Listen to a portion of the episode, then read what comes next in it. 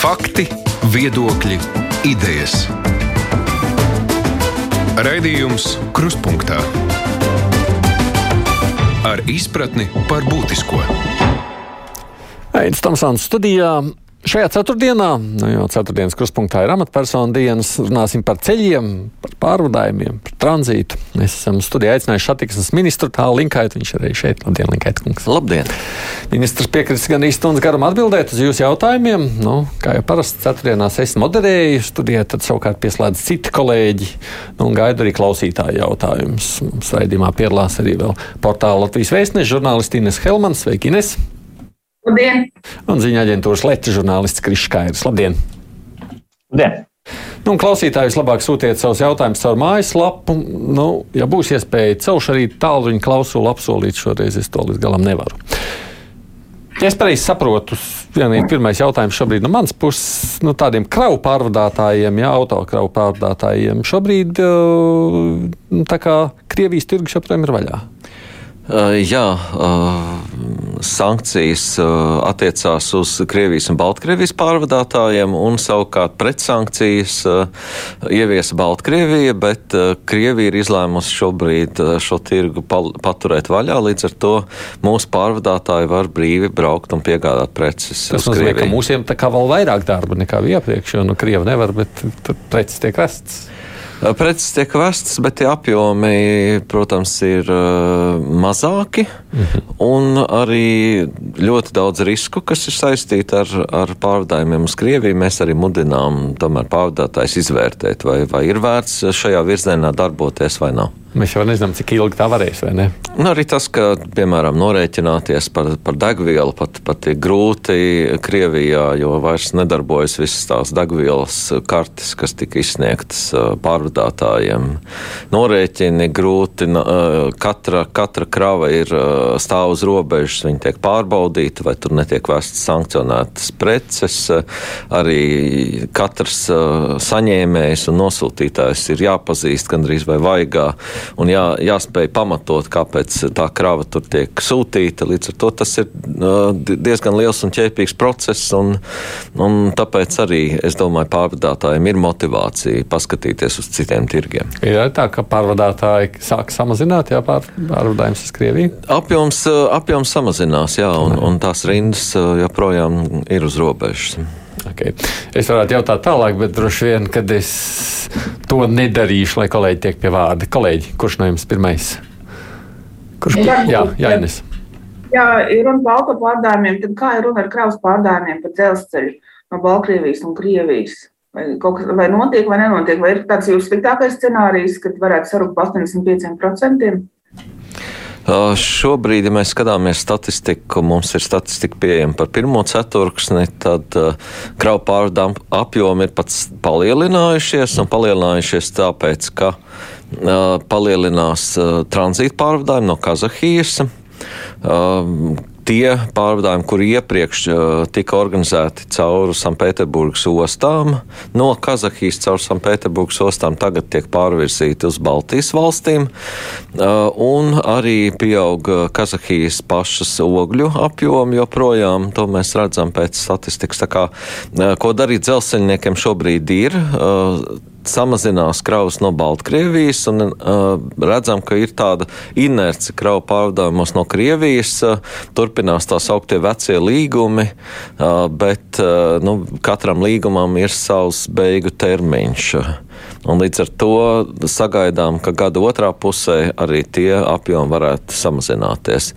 Tas pats sliktākais scenārijs šobrīd nav iestājies, bet mēs rēķināmies, ka sliktākā scenārija gadījumā kravu apjoms pa dzelzceļu var samazināties par apmēram 85%. Bet tas joprojām ir spēkā, nu kā, kā variants. Kā, kā variants tas ir spēkā, un, un, un uh, arī Latvijas dzelzceļš gatavo katram no šiem stresa, stresa variantiem uh, savu rīcības plānu. -hmm.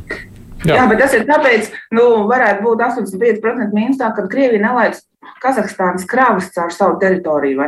Nu, Jā, 85% kritums būtu tajā brīdī, ja nosacīti uz Latvijas-Krievijas robežas nolaižās dzelzs priekškars un kravas no Krievijas puses nenāk vispār. Ja nāk uh, tranzīta kravas, tad, protams, tas ir labāks uh, attīstības scenārijs. Mm -hmm. Te prasa klausītājs Pēters, kāpēc Latvija valsts līmenī neiesaistās graudu eksportēšanā no Ukrainas. Nu, mēs tur dzirdam visu to stāstu. Mēs uh, esam gatavi piedāvāt savus pakalpojumus. Šeit Latvijā viesojās arī Ukrainas uh, zemkopības ministrs. Uh, apmeklēja visas trīs Latvijas ostas, uh, palika apmierināts ar to pakalpojumu klāstu, ko mēs varam piedāvāt. Uh, šaurākais prosms šajā te graudu pārvadāšanas procesā ir uh, Lietuvas uh, un Polijas robeža, kur ir uh, Eiropas platums liedes sliktā stāvoklī, kur vilcieni brauc ar apmēram 40 km/h. Un caur šo te robežu punktu Bal visas Baltijas virzienā var diennaktī mm, dabūt pāri sešas kravas, sešas sastāvus. Nu, attiecīgi, um, ja um, Polija un, un Lietuva spēja uh, pietiekami ātri u, veikt uzlabojumus šajā līnijā, tad, protams, mēs esam gatavi savus uh, ostu pakalpojumus, dzelzceļa pakalpojumus uh, piedāvāt. Mm, Krišs. Jā, vēl paturpinot par tranzītu nozari, jūs minējāt Kazahstānu, iespēju arī par šiem Ukraiņas graudiem, vai ir izskatīti vēl kādi alternatīvie tirgi? Nu, mums tā geogrāfija tāda ir, kā ir, bet uh, varbūt tomēr kaut kas jauns pēkšņi šajos uh, neskaidrajos apstākļos ir parādījies. Jā, kā jau minēju, Kazahstāna ļoti interesēta mūsu pakalpojumos.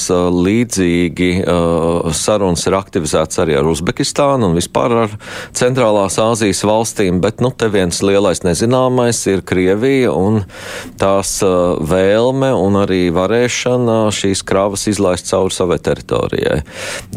Ja mēs skatāmies kartē, tā vairāk īpaši jau mums to iespēju nav. Palīdz paliek Baltijas valstu iekšējās kravas, kas, kā jau teicu, sastāv ne vairāk kā 15% no kopapjoma. Mm -hmm. Te prasa savukārt vēl par dzelzceļu. Marks saka, nu reiz jau tur mums Real Baltica būs, tad tas atrisināt varbūt to jautājumu par uh, Ukrainas graudiem. Tad varbūt Latvijas dzelzceļš arī vispārējās pārbūvēs uz Eiropas liešu platumu nebūs vairs problēma. Jā, mums pirmais uzdevums ir pēc iespējas ātrāk uh, uzbūvēt Rail Baltica līniju, un tagad tā ir vēl, vēl lielāka aktualitāte nekā tā bija līdz šim, un mēs arī redzam tagad, kāpēc mums šo līniju vajag. Tātad, lai mums būtu uh, perfekts uh, savienojums gan pasažieru pārvadājumiem, gan arī kravu pārvadājumiem ar Centrālu Eiropu. Un tad, kad Rail Baltica līnija ir uzbūvēta, tad var skatīties tālāk, kā izmainīt esošo 15, 20 20 tīklu. Mm. Okay. Jā, kolēģi. Jā, pirms diviem gadiem tika atklāts, atjaunots precīzāk dzelzceļa maršruts uz mažēkiem. Kā, kā tagad notiek? Divi gadi pagājuši, tur bija runa, ka vēdīs kravas no mažēķiem, tur degvielu, un arī bija plāns pasažieru pārvadājumos. Jūs teicāt, ka toreiz, kad ar Lietuvu notiek sarunas. Es vispār neko neesmu dzirdējis. Man liekas, ka pasažieru līnija nav atjaunota. Un kas vispār notiek? Vai bija vērts cīnīties tādā līmenī, un pēc vairāk kā desmit gadiem tomēr tā līnija ir tagad? Cīnīties noteikti bija vērts, jo uh, Mažēķa naftas pārstrādes rūpnīca ir viena no lielākajiem kravu radītājiem Baltijas valstīs, un arī tagad pa šo te Mažēķu reņģes Jelgavas līniju krāvas no, no mažaiķa naftas rūpnīcas tiek vēstas gan uz Rīgu, gan arī uz Igauniju. Tas, tas notiek ar pasažieru pārvadājumiem nav tik vienkārši, jo, lai tos palaistu, ir nepieciešam, nepieciešams finansējums. Tas ir pārobežu pārvadājums. Cītīgi uzrunājam Lietuvas pusi par, par to, ka mēs esam ieinteresēti šajā te virzienā. Nu, no Lietuvas puses pagaidām nav tāda īsta, īsta prieka sauciena, ka viņi gribētu braukt šajā līnijā vai arī, vai arī finansēt šo līniju. Būtu pasažieri, jūsuprāt? Jā, tur līdz šim arī bija pasažieri, jau vēl, vēl tajos laikos, kad uh, dīzeļvilciens gāja līdz Reņģei. Uh, mēs redzam, ka savienojums no mažaiķiem virzienā uz Jelgavu un pēc tam uz Rīgas lidostu varētu būt interesants lietuviešiem, Lietuvas mm. pilsoņiem. Mm. Jā, droši kā, jā, Krišs. Jā, tad uh, pagājušajā gadā šķiet bija pat vairākas reizes uh, lielās uh, Latvijas dzelzceļa koncerna uh, atlaišanas uh, darbinieku, vai šajos apstākļos arī nav šogad kaut kas tāds plānots, vai varbūt kādā citā lielā satiksmes ministrijas pārvaldībā esošā kapitāla sabiedrībā? Jā, pēdējos gados Latvijas dzelzceļā ir notikušas pārmaiņas, tā skaitā arī darbinieku skaita samazināšana. Man liekas, tas ir palīdzējis sagatavoties arī šīs dienas situācijai. Um, uh, kā jau es teicu, nu, Latvijas dzelzceļš izstrādā pašlaik vairākus rīcības scenārijus un situācijā, ja mums uh, aptrūkstās kravu, ko vest, tad, protams, ka ir uh, jāveic izmaksu samazināšana, tā skaitā arī darbinieku skaita uh, samazināšana. Tāpat laikā mūsu mērķis ir saglabāt visu esošo dzelzceļa infrastruktūru, darboties spējīgā stāvoklī, vēl vairāk mēs gatavojamies pasažieru pārvadājumu apjomu palielinājumam, tad, kad mums būs jaunie elektrovilcieni, viņi daudz intensīvāk brauks pa Latvijas dzelzceļa infrastruktūru, un tāpēc visi tie darbi, investīcijas, kas saistītas ar pasažieru labsajūtas uzlabošanu un ar infrastruktūras piemērošanu jaunajiem elektrovilcieniem, tie turpināsies, un arī cilvēki, kas ir saistīti dzelzceļā tieši ar, ar infrastruktūras uzturēšanu, viņi, protams, ir nepieciešami. Tad, tad nav tādu pašlaik jau uzņēmumu, kurā tas būtu. Nav, nav tādu lielu un kardinālu plānu. Protams, ka satiksmes nozara ir tā, kur vienmēr reaģē uz notiekošo mm, pasaulē un, un Eiropā, un gan, gan aviācijā, gan dzelzceļā, gan autotransportā pieņem vai, vai atlaiž darbinieks atbilstoši tam, kāds ir pieprasījums pēc pakalpojumiem. Mhm. Jā, Krišs. Jā, es gribēju paprasīt, mēs te jau desmit minūtes šķiet, tagad spriežam, ka tā dzelzceļa nozara ir diezgan neskaidra. Tā bilde varētu būt pietiekami bēdīga. Vai satiksmes nozars tajā ietvarā ir kāda cita sfēra, kur savukārt tā situācija ir labāka? Un, teiksim, ja Latvijas dzelzceļam būtu šie darbinieki jāatlaiž, vai uzreiz tur varētu notikt kaut kāda pārkvalifikācija? Jūs redzat tādas iespējas? Kopumā Latvijā bezdarba līmenis ir zems, un līdz ar to jebkurš kvalificēts speciālists diezgan ātri spēja atrast savu pielietojumu, ja ne transporta nozarē, tad arī citās nozarēs, kur ir vajadzīgas kvalificētas darba rokas. Mums jau pieminētajā Real Baltica līnijā būs vajadzīgi 300 līdz 400 jauni speciālisti tieši Real Baltica līnijas uzturēšanā. Nu, tas gan nebūs tūlīt, tas būs pēc gadiem, trim, četriem. Tāpat laikā arī, ja mēs runājam par, par mašīnistiem, par šoferiem, ļoti pietrūkst visā Eiropas Savienībā. Tā kā, kā jūs teicu, profesionāls cilvēks savu pielietojumu var atrast ātri. Mm -hmm. Par vilcieniem prasa Katrīna, kad tad būs beidzot, kad varēs pasažieri braukt. Uh, šobrīd tas atjaunotais vilcienu piegādes grafiks liecina par to, ka gaidām vai nu jūnija beigās vai jūlija sākumā Latvijā pirmos, pirmos jaunos elektrovilcienus. Vispirms viņi tiks testēti, izmēģināti, kā viņi strādā tieši mūsu dzelzceļa sistēmā. Pēc tam viņi tiks certificēti atbilstoši Eiropas Savienības visām prasībām, un nākamā gada sākumā viņiem būtu jāsāk vest arī pasažieri. Ir nobīdījies tas laika grafiks lielā mērā mērā arī kara, kara Ukrainas kara ietekmē, jo sākotnējais plāns bija jaunos elektrovilcienus vest uz Latviju cauri Slovākijai, Ukrainai un Baltkrievijai, jo tur ir 15-20 stigaišu platums atbilstoši. Tagad tas vairs nav praktiski iespējams. Katrs vagons tiks nu, daļēji izjaukts, likts uz trailera un ar trailer, autotraileriem vests uz uh, Latviju, un šeit Latvijā atkal salikts kopā. Tas par, prasa papildu laiku, nekā tas bija sākotnēji iecerēts. Tad pasažieriem pēc kādiem 8, 9 mēnešiem Jā. tā kustība aizies tam līdzīgi. Um, nu, labi, pirms nākušo jautājumu no kolēģiem vēl Emanuēls, lai iet arī citu tematiku jau Man interesē satiksmes ministra viedoklis par elektroautorātu. Vai viņam pašam arī gribētos ar tādu braukt? Šobrīd mēs redzam, ka tā ir vairāk tāda uh, pilsētnieku uh, vai piepilsētas iedzīvotāju uh, izpriece, tā varētu teikt, tie, kuri to var atļauties.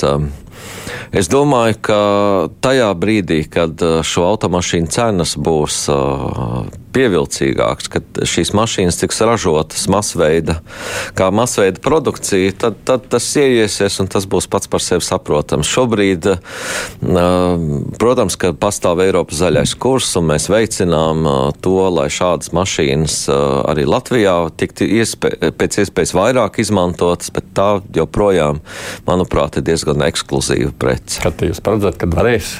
vairāk. Tā ražotāja sola un, un tie, tie plāni jau ir ambiciozi, ka tuvāko divu, trīs gadu laikā parādīsies masveida produkcija, un tad arī iespējams katrs no mums varēs pa automobīlim nopirkt. Tad jūs gribēsiet pamēģināt, jā. No, labi. Ines. Jā, viens no zaļā kursa pamatidejām bija, ka transportam ir jā, jāsamazina emisiju apjoms.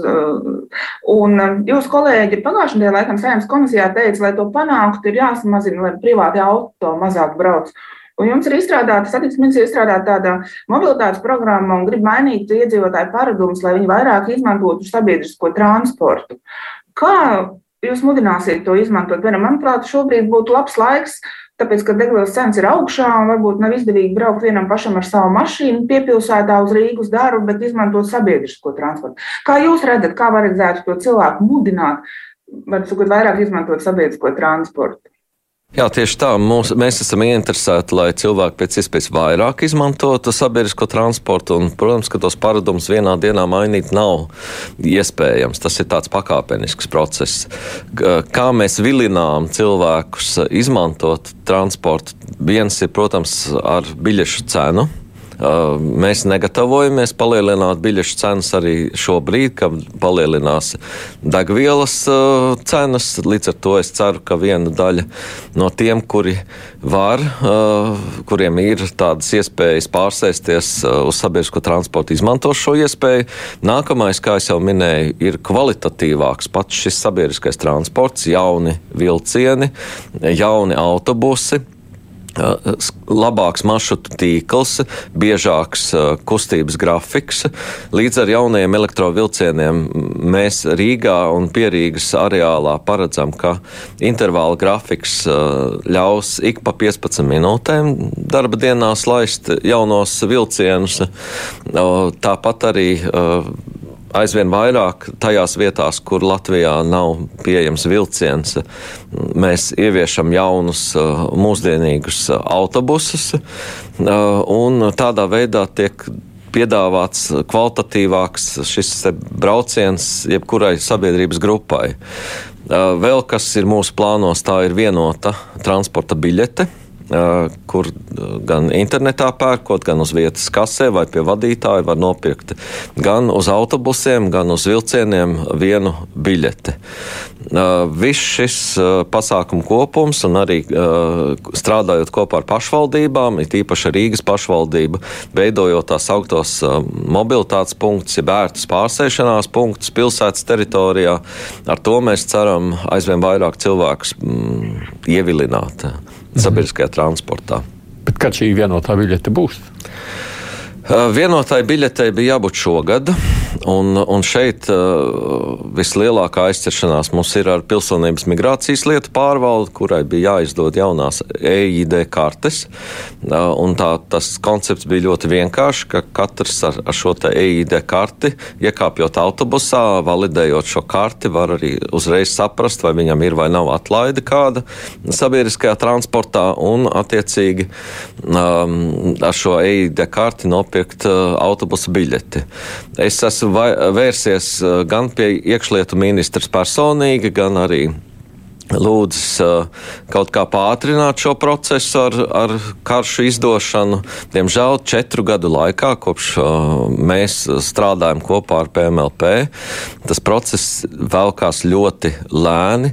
Piedāvājam gan CSDD pakalpojumus, gan valsts un pašvaldību vienotos klientu apkalpošanas centrus. Nu, pagaidām atsaucība no PMLP nav tāda. Mm, tā ir kritika. Tā ir kritika, bet uh, tāpat laikā um, šā gada otrajā pusē būs pirmie autobusu maršruti, kuros uh, varēs iegādāties uh, šādu te vienoto biļeti. Mm. Okay. Kriša.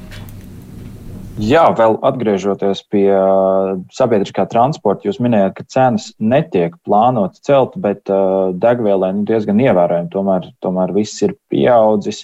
Eh, tas nozīmē droši vien lielākas valsts dotācijas, vai ne? Un, ja tā, tad vai ir kaut kāda aprēķina jau veikta? Par aprēķiniem atbild autotransporta direkcija, un es zinu, ka tur uh, tiek uh, arī vērtēti gan esošie līgumi, gan to, kādā veidā koriģēt kompensācijas pārvadātājiem, kas, protams, sajūt šīs cenu svārstības, bet, kā jau teicu, tas nekādā veidā neatieksies uz, uh, uz uh, pasažieriem. Valsts uh, fiksētās cenas gan vilcienos, gan autobusos paliks tā kā līdz šim. Nu, valsts būs gatava piefinansēt. Jā, un pie tam uh, vilcienos mums ir ļoti veiksmīgs līgums noslēgts ar, par elektrības piegādi, uh, kurš līdz rudenim saglabā ļoti uh, pievilcīgas arī mm. Uh, cenas par elektrību. Mm. Jā, Vēl par šo varbūt uh, papildinot visam maz, tikko šķiet uh, Lukas ekspresija nemaldos paziņoja par šo te reisu izbeigšanu starp Rīgu un Daugopilu, kas tiek veikts uz nevalsts um, šo te dotāciju, bet gan uz privātiem tā kā komerc, komerc reisi. Vai šajos apstākļos jūs redzat vispār tādu komercreisu attīstības iespējas, ņemot vērā, ka iespējams eh, šie pārvadātāji nevarēs konkurēt ar eh, valsts cenām, ja šajos uh, maršrutos cenas netiek celtas, tad komerc, uz komerc noteikumiem veiktajos reisos tās droši vien mainīsies. Šeit vajadzētu paskatīties nedaudz no otras puses. Valsts līdz šim dotēja paralēli gan uh, dzelzceļa pārvadājumi, piemēram, tā pašā maršrutā Rīga Daugaupils, gan arī ekspresa reisu Rīga Daugaupils autobusu. No racionāla valsts līdzekļu tērēšanas viedokļa mēs gribam koncentrēties uz dzelzceļu kā sabiedriskā transporta sistēmas mugurkaulu un virzīt visus pasažieru pārvadājumus dzelzceļa virzienā. Tāpat laikā mēs, protams, neliedzam nevienam, kurš vēlas pārvadātājs, kurš vēlas veikt maršrutu Rīga Daugaupils, to var darīt, bet var darīt uz biznesa principiem. Tā kā tas notiek citās valstīs, gan Igaunijā, gan Somijā. Faktiski mēs bijām pēdējā valsts, kur nebija atvērusi šos pārvadājumus brīvai konkurencei. Tagad tas ir izdarīts. Mēs to esam darījuši piesardzīgā veidā, neatverot uzreiz visus starppilsētu pārvadājumus, jo tad tiešām šīs dažādas privātas privāto pārvadātāju intereses vienā brīdī mums, eh, mums radītu problēmas eh, cilvēkiem nokļūt uz darbu, no darba un, un kaut kur citur. Mēs esam atvēruši konkurencē tikai tos eh, maršrutus, kur paralēli uh, tiek nodrošināti dzelzceļa pārvadājumi, kur paralēli ir citas iespējas, kā cilvēkiem nokļūt uh, no punkta A uz punktu B.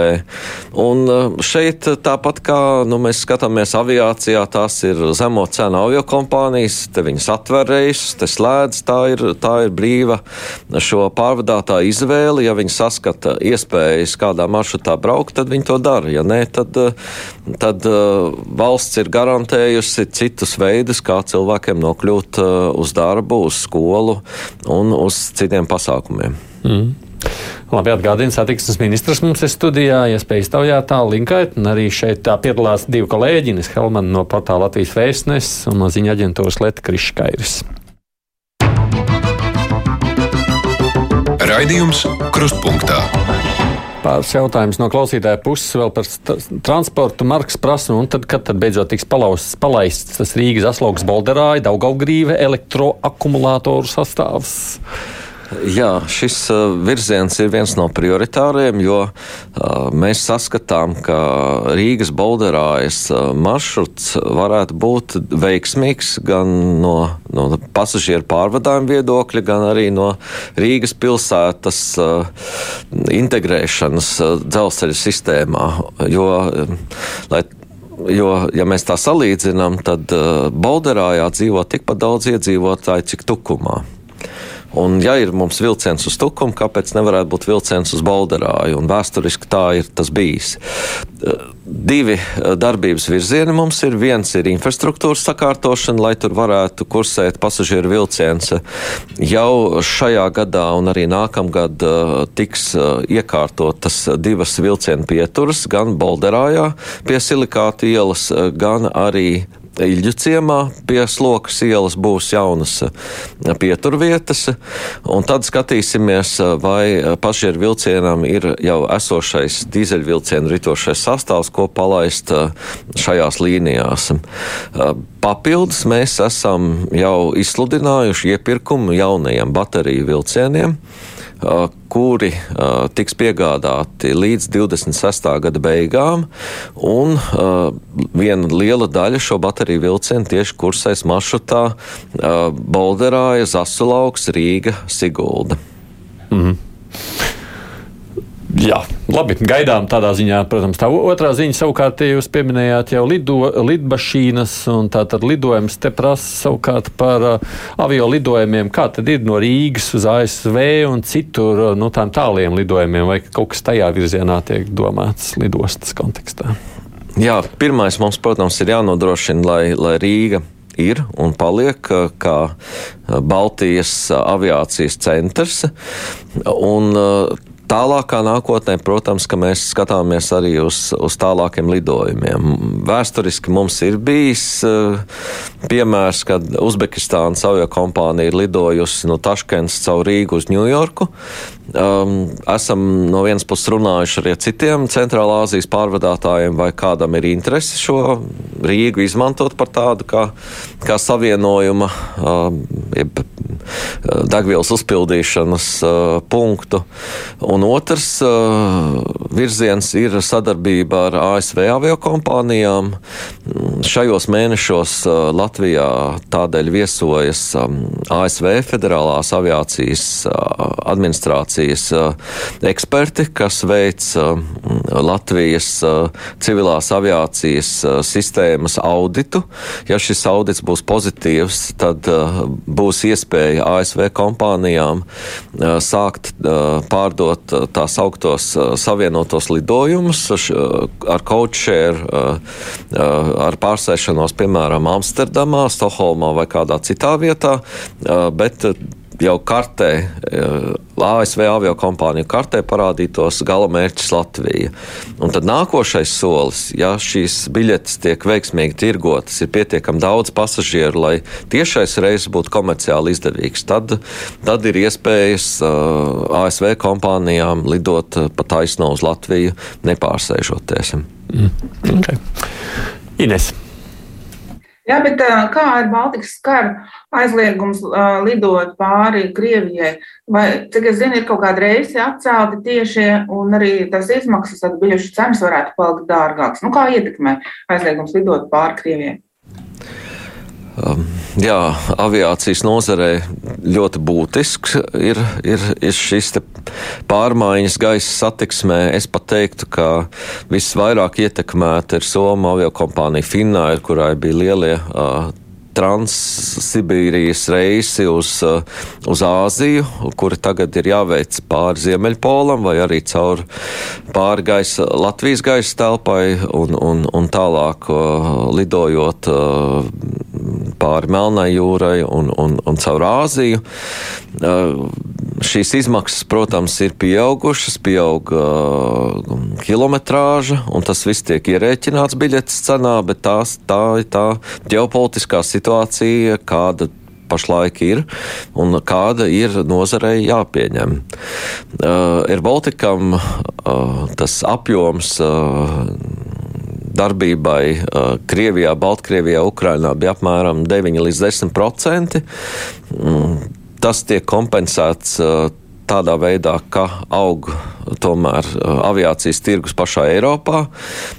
Tas, tā kapacitāte, kas tika izmantota uz, uz, uz Krieviju un arī uz Ukrainu, pašlaik tiek izmantot vairāk Eiropā. Mm -hmm. Kriša. Vēl par aviāciju pēc nosacīt neoficiāliem datiem, vai nevis pēc datiem, bet pēc viedokļiem. Drīzāk ir dzirdēts, ka cilvēkiem Rietumē Eiropā ir dažkārt bail braukt uz Baltijas valstīm, tostarp Latviju, jo šeit redz nesot droši, nu, kas ir pilnīgs muļķības, bet tomēr cilvēkiem tā pārliecība tāda ir. Vai jūs neredzat, ka tas varētu ietekmēt lidostas Rīga darbību šajā vasarā un Air Baltica darbību? Nu, proti, ka vēl neizdosies gluži nonākt līdz tam 2019. Eh, gada līmenim, tīri pārvadājuma ziņā. Pārvadājuma apjomu vairāk, protams, ietekmē tas, ka mums nav šobrīd pieejams Krievijas, Baltkrievijas, Ukrainas tirgus.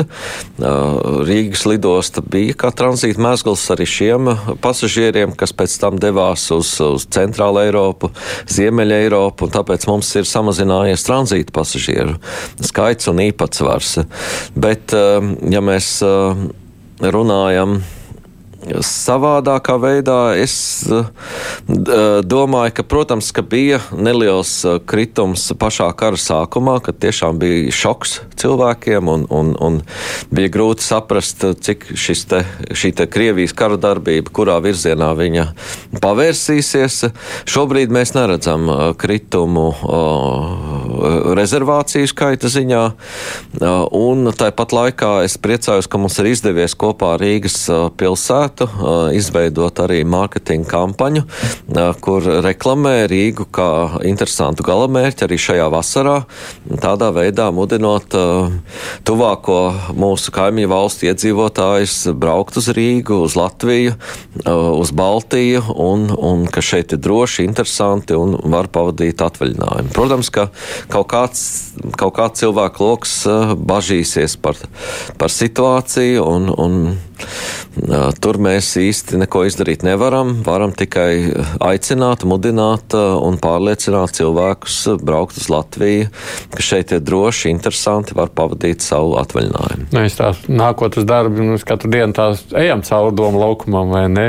Ir jau tā vēl pa vientuļi diezgan tomēr. Es sakārt, ka cerība, ka vasarā būs mazliet pilnāk šeit. Jā, nu, protams, ka daudz kas ir atkarīgs arī no. Mm, pašvaldībām, kuras organizē dažādus interesantus pasākumus. Viens ir tas, ka atbraukt turismam, turistam vienkārši paskatīties skaisto arhitektūru Rīgā, bet otrs ir, lai, lai šeit būtu arī kaut kādas konferences, koncerti, notikumi, kas vēl piesaistītu papildus turistus. Mm, saruna Rīga savukārt par šo. Um, tā, man liekas, ka jāparunā arī par ceļiem un uh, nu, ceļu remontiem un būvniecību.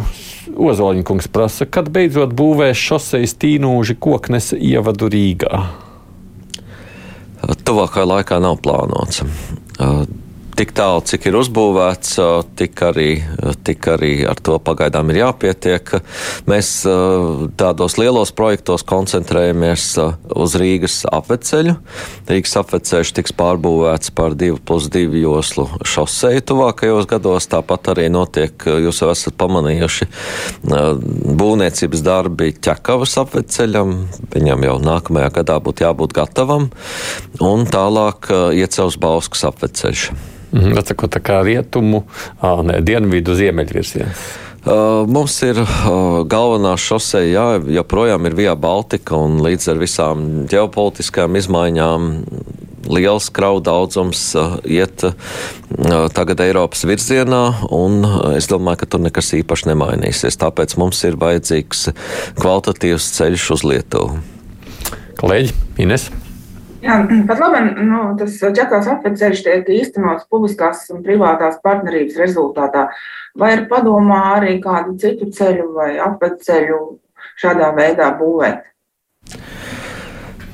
Jā, Mēs esam izanalizējuši šīs pirmās, pirmā līguma pozitīvās, negatīvās puses un esam lūguši veikt Latvijas valsts ceļiem aprēķinus, vai būtu iespējams arī iecavus un bauskas apveceļu būvēt ar šādu te publiskās privātās partnerības principu.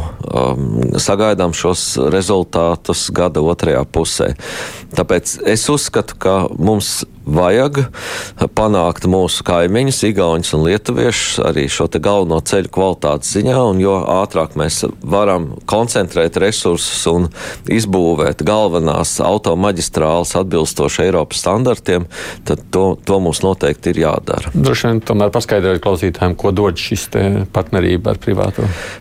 Tā ir iespēja piesaistīt papildus līdzekļus šo lielo autoceļu izbūvē.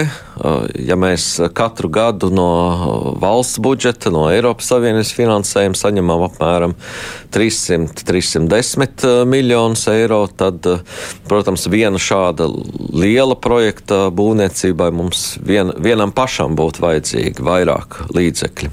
Tas nozīmē, tā, ka tāda aizņemšanās būtībā no privātā, tā rupji runājot. Jā, mēs, mēs aizņemamies uh, no, no privātās, no faktiski no banku konsorcija līdzekļus, lai pēc tam pakāpeniski 20-25 gadu laikā šos līdzekļus atdotu.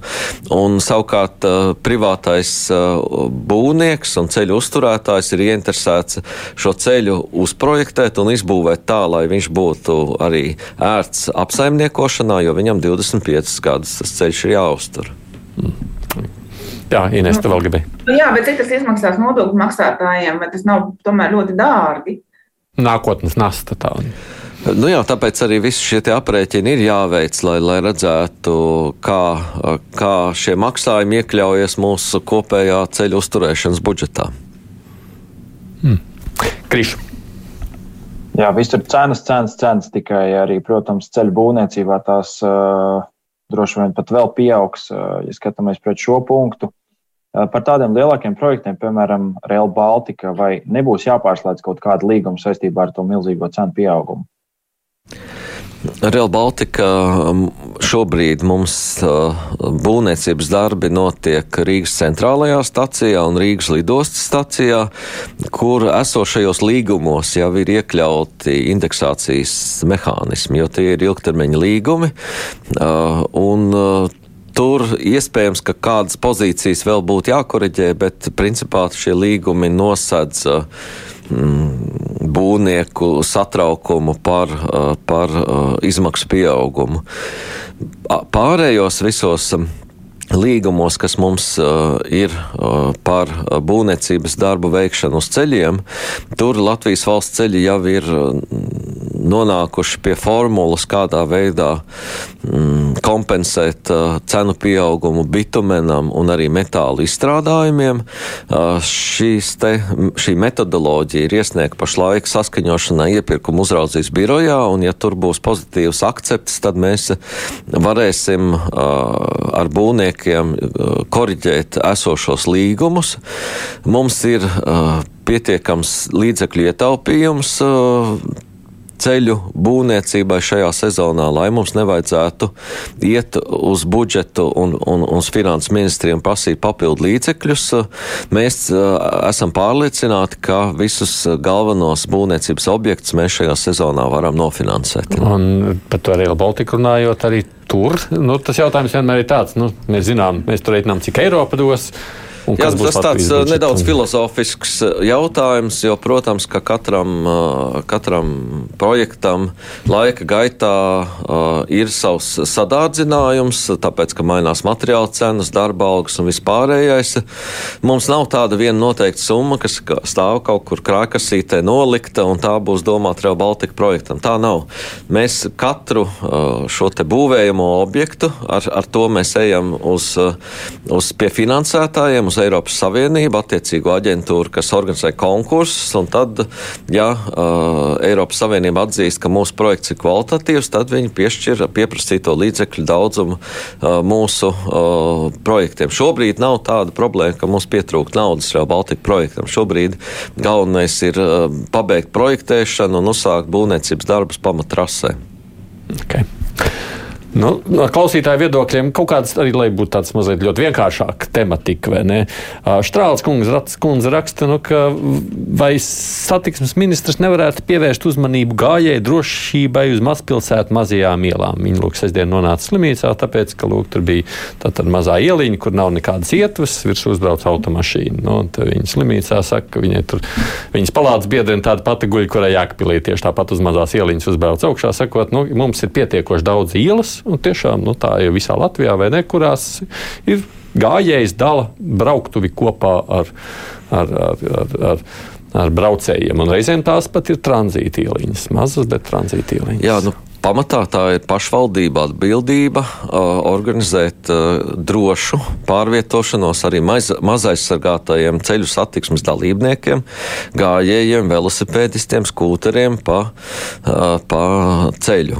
Un, arī tad, ja šis ceļš arī tad, ja tas, arī, tad, arī tad, ja tā ir tranzīta iela, arī tajā gadījumā tā ir pašvaldības rīcības atbildība. Un mēs arī pēc ceļu satiksmes negadījumu statistikas redzam, ka aizvien mazāk šo ceļu satiksmes negadījumu notiek uz galvenajiem ceļiem pa visu valsti, bet tieši pilsētās, piepilsētās, kur ir šī kustība pa ielu, pa ceļa, pa ceļa malu, tur arī šie negadījumi, diemžēl, notiek aizvien vairāk.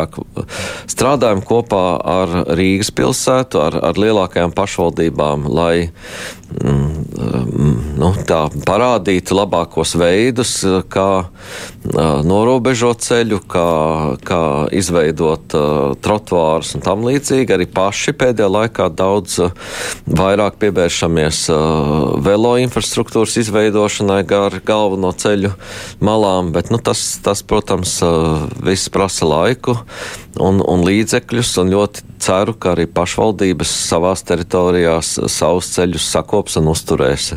Tā, lai tas būtu droši. Bet, bet, ja tas ceļš pieder valstī, pat ja tas ir tāds salīdzinoši neliels, bet valstī piedrošums ir, diemžēl, nav vēl tās ielas liela daļa nodots pašvaldībai, kas ir kaut kādā veidā vēsturisks. Es tā runāju tīri privāti no savas garkaunas pieredzes. Es zinu, tur ir tāda vieta, kas ir ļoti riskanta, bet pieder valstī. Pašvaldība saka, šis ir valsts. Mēs uh, piedāvājam, protams, visas šīs mazās ieliņas pārņemt pašvaldību īpašumā, jo nu, valsts par tām īsti rūpēties nevar, nespēja, nav līdzekļu. Um, Un redzam arī pēc citu valstu pieredzes, ja piemēram Somijā 17% no visiem ceļiem pieder, pieder valstī, tad uh, Latvijā tie ir vairāk kā 25%. Un, un, un, uh, jā, pašvaldības nemaz negrib pārņemt viņam mazāk. Vēdam sarunas, pirmās sešas pašvaldības jau ir piekritušas. Uh, Tas ir brīvprātīgs process šobrīd, bet, bet ejam uz to, lai, lai aizvien vairāk tie ceļi, kas patiesībā ir ielas, nu, ar tām nodarbotos pašvaldības. Mm, Labi, kolēģi, kurš nevis? Ines. Gribēju pajautāt, varbūt par daudz šoreiz par dzelzceļa pārvadājumiem, bet nu, tomēr autotransporta direkcija veic izpēti par pasažieru pārvadājumu pa dzelzceļu, par brīvo tirgu. Kāds ir jūsu viedoklis? Jo brīvais tirgus Eiropā, manuprāt, ir tikai Vācijā vai Francijā iekšzemes pārvadājumiem, es domāju. Esošais līgums par pasažieru pārvadājumiem pasažieru vilcienam beidzas 2024. gada beigās, un tā ir kopēja Eiropas prasība, ka mums ir jāpārliecinās, vai nav vēl kāds gribētājs veikt pasažieru pārvadājumus, lai cik tas neliktos uh, utopiski, ņemot vērā, ka mums ir nodalīts tīkls ar, ar, ar Krievijas platums liedēm, kuriem nav piemērota sastāvda. Nu, mūsu pienākums ir šādu tirgus izpēti veikt. Izpētes rezultātā esam secinājuši šobrīd, ka, ka ir vismaz tāda interese ir izteikta. Uh, tālāk autotransporta direkcijai ir jā, jāizvērtē, cik tas ir nopietni, uh, kāds tam ir pamatojums, un tad uh, skatāmies arī, kā tālāk rīkoties. Tas nav pienākums slēgt kādu līgumu ar, ar kādu citas valsts pārvadātāju. Vienkārši mēs mēģinām saprast, vai pēc 24. gada kādam citam pārvadātājam būtu interesi ienākt šajā tirgu. Tā interese no Igaunijas? Tā interese ir no uh, Čehijas, uh, mm. Nīderlandes un Francijas. Mm. Interesanti. Krišs. Jā, mēs vēl neesam pievērsušies uh, ostu tēmai. Uh, tik, tikko stājās spēkā šie grozījumi likumā par ostām, kas uh, paredz uh, pārvaldības maiņu. Vienreiz es jums jau šo jautājumu uzdevu, Linkait kungs, bet ne, ne publiskā vidē. Tāpēc vēlreiz jautāšu, cik ilgā laikā jūs redzat tās pārmaiņas, teiksim, cik ilgs laiks būs nepieciešams reformai, lai pārmaiņas reāli mēs sajustu arī dzīvē? Jā, paldies. Tiešām ir nu, pat stājušies spēkā grozījumi likumā par ostām, un tas dod tiesības mums pārveidot Rīgas brīvostas pārvaldi un Vēnspils brīvostas pārvaldi par kapitāla sabiedrībām, piesaistot arī pašvaldības šos kapitāla sabiedrību pārvaldībā. Tālākie soļi ir arī organizēt valdes un padomes konkursus, piesaistot profesionāļus šo te ostu pārvaldībā. Līdz šā gada beigām ir jānoslēdz tāda organizatoriskā fāze, un pēc tam, manuprāt, tie varētu būt divi, trīs gadi, kad mēs redzam tos uh, faktiskos darbības rezultātus. Jo ir, ir jāiestrādājās, ir, ir, ir, ir jāsaprot, kāda ir tā saimniecība, un, un arī jaunajiem šiem te ostu pārvaldītājiem ir. Uh, nu, jāizdara savi mājas darbi savā saimniecībā. Mm. Ko nozīmē šie rezultāti? Nu, kas ir tas, ko cilvēki tur varētu pārmaiņas kādas būt? Um, Ņemot vērā visus ģeopolitiskos apstākļus, mēs nevaram cerēt, ka mums šeit būs ļoti spēcīgs kravu pārvadājumu apjomu pieaugums. Tas, ko var darīt ostās, ir attīstīt saimniecisko darbību, šo, šīs te ostu teritorijas izmantot efektīvāk, mm, arī samazinot izmaksas, un no otras puses piesaistot ražojošus uzņēmumus šajās ostu teritorijās, piemēram, Rīgā tās ir gan spilvas pļavas, kur ir iespējama industriāla attīstība, gan arī Kunziņsalas teritorija, gan vairāki, vairāki bijušie termināļi, kur stāv pašlaik tukši un neizmantoti. Tāpat arī Vēnspilī ir iespējas šo saimniecību inventarizēt, sakārtot un varbūt visu lieko atmest, kas, kas īsti uz ostas teritoriju neatiecās, un, un attiecīgi šo saimniecību tad nu, veiksmīgi pārvaldīt ar pietiekam zemām izmaksām. Par ostām runājot, kā veicas ar ostu embargo. Te aizvakar, man liekas, sociālos tīklos rādījās viens kuģis, kur bija ielikts, kur stāv nomainījis nosaukumu, droši vien arī karogu pārdēvējs, bet ar zēburtu cītīgi krauju joglas. Um, sankcijas nosaka Eiropas Savienības valsts viss kopā, un mēs arī vēlamies, lai šīs sankcijas būtu stingrākas un, un tiešām attiektos uz, uz visām Eiropas Savienības ostām.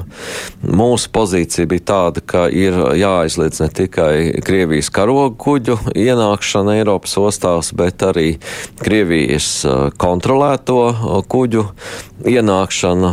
Nu, pagaidām ir valstis, kas tam nepiekrīt.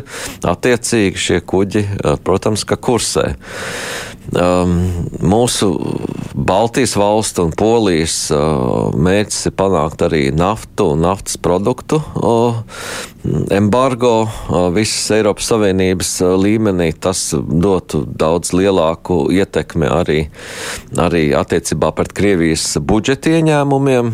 Arī šāds te process pašlaik ir saruna ceļā. Ceru, ka nākamajās sankciju kārtās to, tas tiks ieviests. Šādi pavīd kādas ziņas par kādiem ostu darbiniekiem, kas kādas kuģis ir atteikušies pārkraut, tāpēc, ka tur ir Krievijas preci no mums, tad Latvijas ostā nav parādījušies nevieni tādi.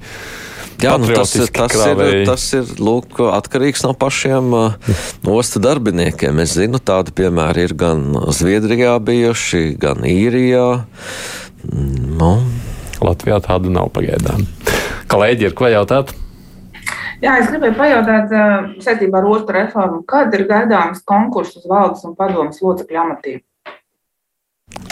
Šī gada laikā Tātad pirmie darbi, kas mums jāpadara tīri formāli, tas ir uh, ostu esošo brīvvaldes pārvalžu likvidācijas komisijas, kas jāapstiprina ministru kabinetā, arī tāda specifiska instrukcija, kā uh, valsts pārvaldes pusē sadarboties savstarpēji šo te ostu pārvaldībā, un uh, tad kopā ar pašvaldībām sludinām šos konkursus par valdes un padomus locekļu amatiem.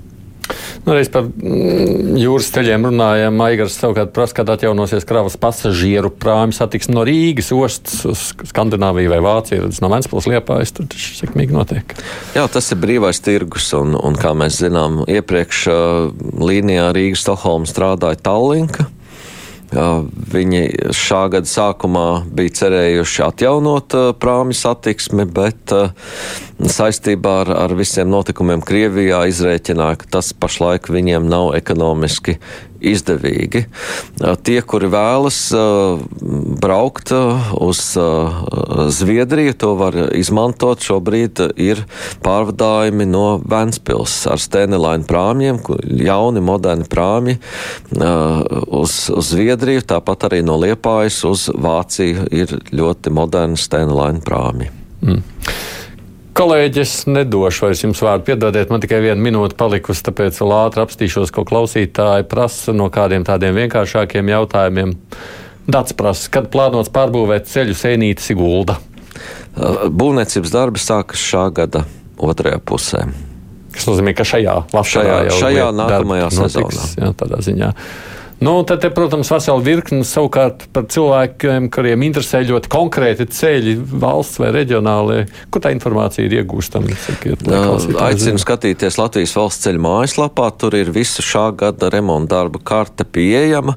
Cik vien varam, esam pēdējos gados līdzekļus piešķīruši ceļu būvniecībai, remonta darbiem. Es domāju, ka katrs, kurš brauc pa Latviju, var pamanīt tās pārmaiņas, kas ir mūsu ceļu kvalitātē.